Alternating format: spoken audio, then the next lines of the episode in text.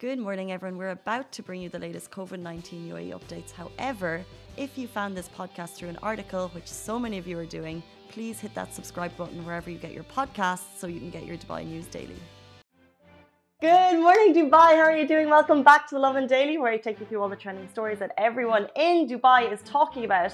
Today, it seems like the entire of Dubai was out at the Dubai Mall this weekend to try Saudi's famous fast food joint. Of course, we're going to be talking about Al Baik. We're also talking about Karen Wazen. She opened up about her vitiligo and also why Dubai residents in India are still in limbo. But before we get to all that, how are you doing? It's Sunday morning. Excited to be back in the office. Are you on the way to work?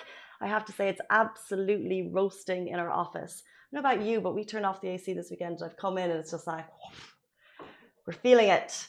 Um, anyway, something big we missed over the weekend. Friday, in case you missed it, June 25th, very important day. It was Take Your Dog to Work Day.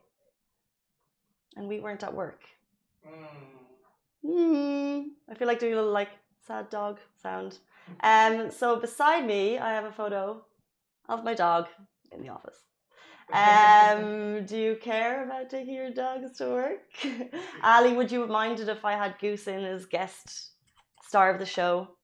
I wouldn't. I like. I don't mind wish, at all. I wish I had her in. We can have a little doggy, you know. Little doggy the in the office. Are you? Does any? Because I know some uh, offices have places they have creche options, mm-hmm. and they also have places to take your dogs, like little garden patches. Mm-hmm. Could you imagine? Um, the photo up on Facebook is when my dog Goose was a little puppy and we were walking her in JLT and we snuck her into the building. There was another photo of her actually at this seat, but I was like, it's too much. I'll probably get in trouble for sharing that one. so just, to, I mean, that doesn't necessarily have to be this office. It's any nondescript office with the Lovin Dubai branding. Mm. Her name is Goose. So if you are celebrating Take Your Dog to Work Day, it was also Take Your Cat to Work Day the day after yesterday. You couldn't do it. If you're going to do it in Dubai, uh, send us your pictures on Instagram. I'd love to see them. Let's jump into our top stories.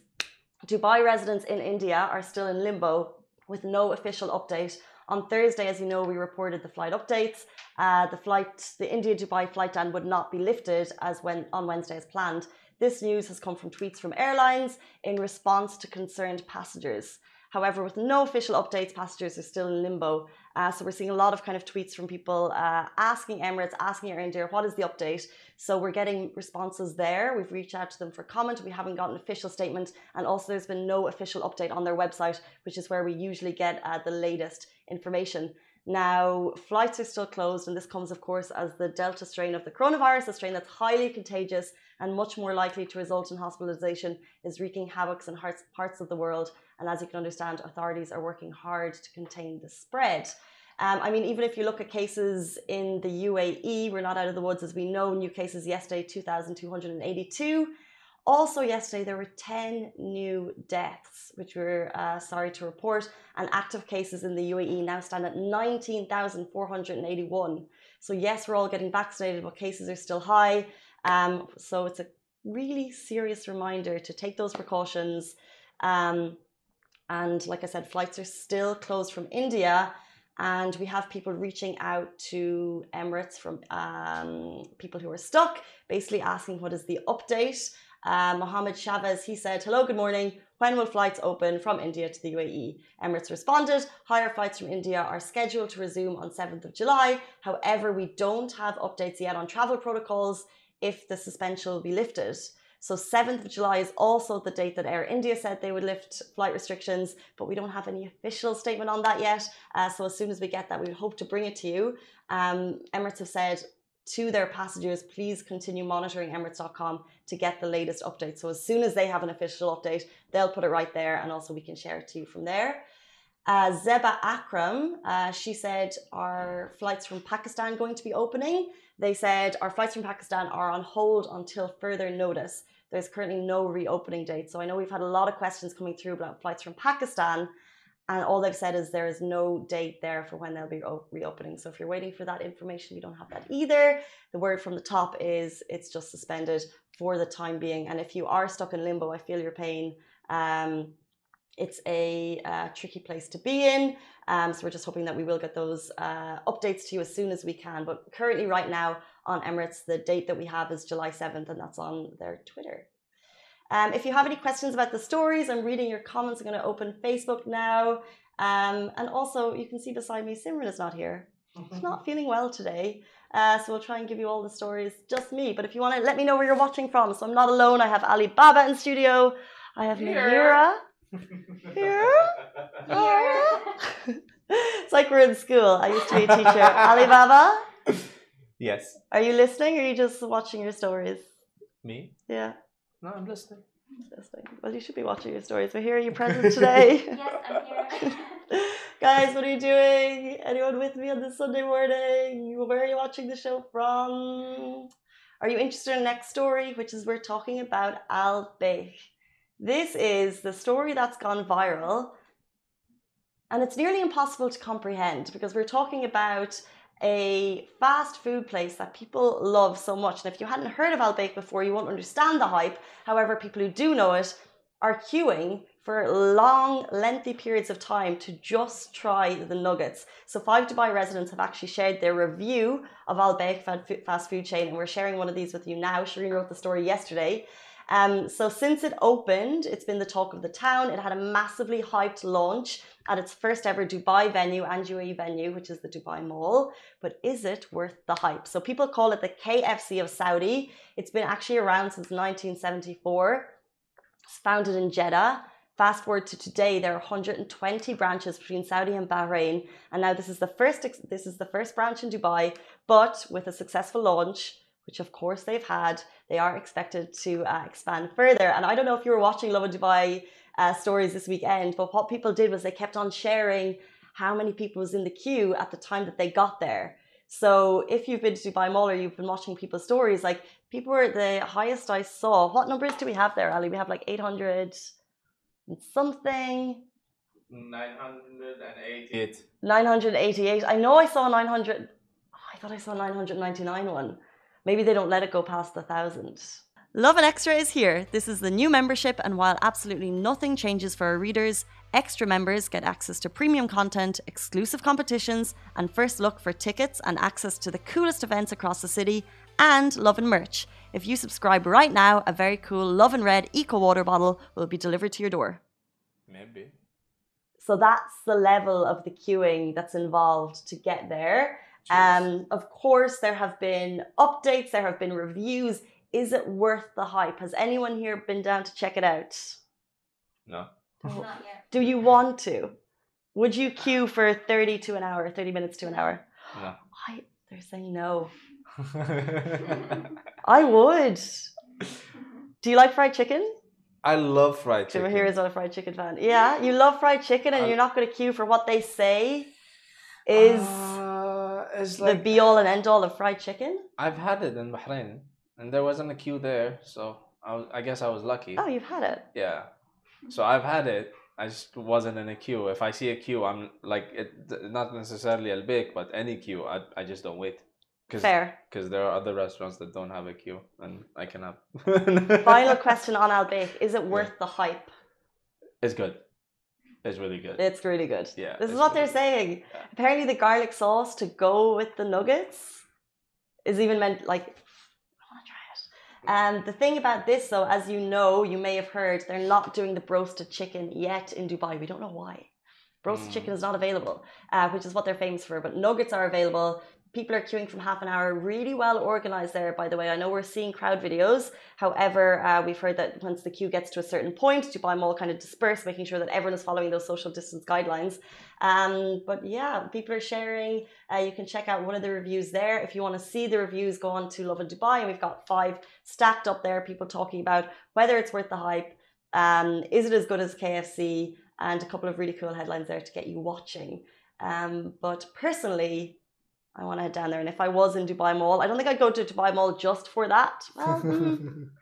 well, people go to Dubai Mall just for Al Baik now. yeah, I'm gonna say actually, if you're in the mood, I probably would. like it's the go-to now. It's it's just like the you know the hype scene going to Al Baik, and it's it's going to stay like that constantly because that's how it is in Saudi.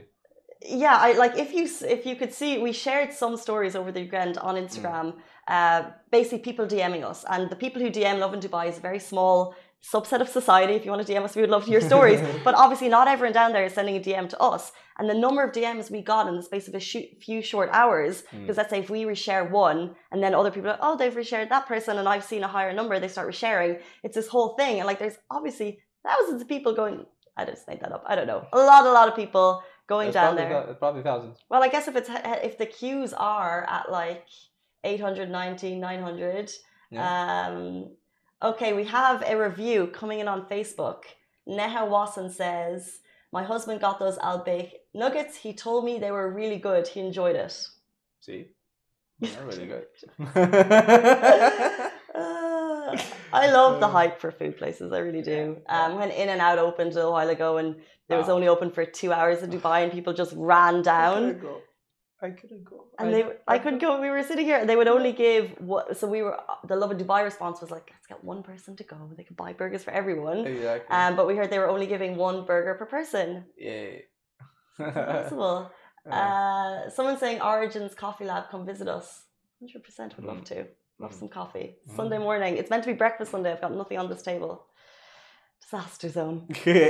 Um, let's move on to our next and final story. We're talking about Karen Wazen, who got candid about vitiligo in her new Instagram post. So, in light of World Vitiligo Day, excuse me, vitiligo, excuse me, in light of World Vitiligo Day, influencer Karen Wazen shared her personal story since she discovered she had the condition three years ago. Now, it's a long term condition where pale white patches can develop on the skin, if you're not aware, caused by a lack of melanin. Now, it usually can affect any part of the skin, but it's most common on the face, hands, and neck.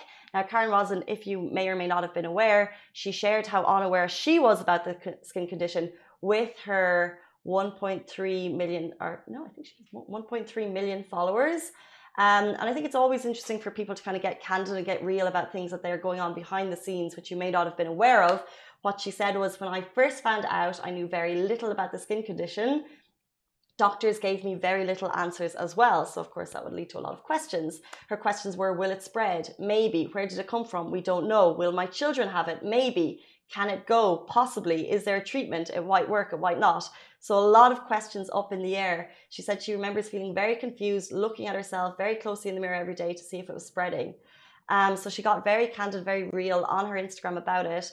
Um, like I said, two, she has a large platform. It's always important for people with large platforms to share stories of things that they're going through. So well done to Karen for sharing that.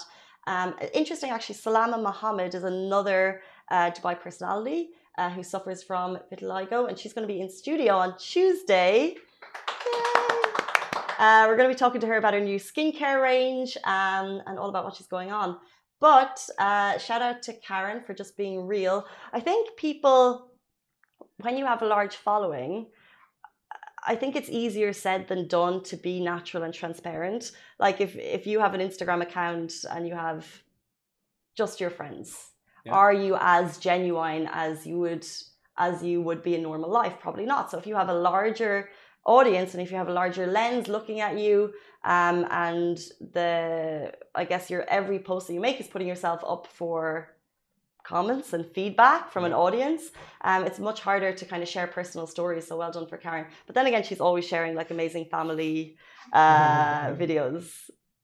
If you like videos, yes, this is why. No, she has. Um, sorry, we introduced it by saying she has 1.3 million followers. However, I thought we did a, uh, a video recently saying she passed 6 million followers. Wow. Yeah, she's huge. Yeah, 6.3 million followers. My bad. Sorry, Karen. Whoopsie. 6.3 million followers.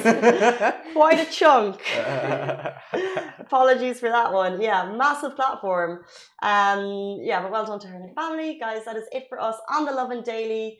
As always, we love reading your comments after the show. I'll be going through them. Um, if you have any questions about the show, if you're watching on Instagram and you're seeing the headline, we talked about uh, India to Dubai flights and uh, the latest updates that we have. We'll be posting it directly onto Instagram TV right now.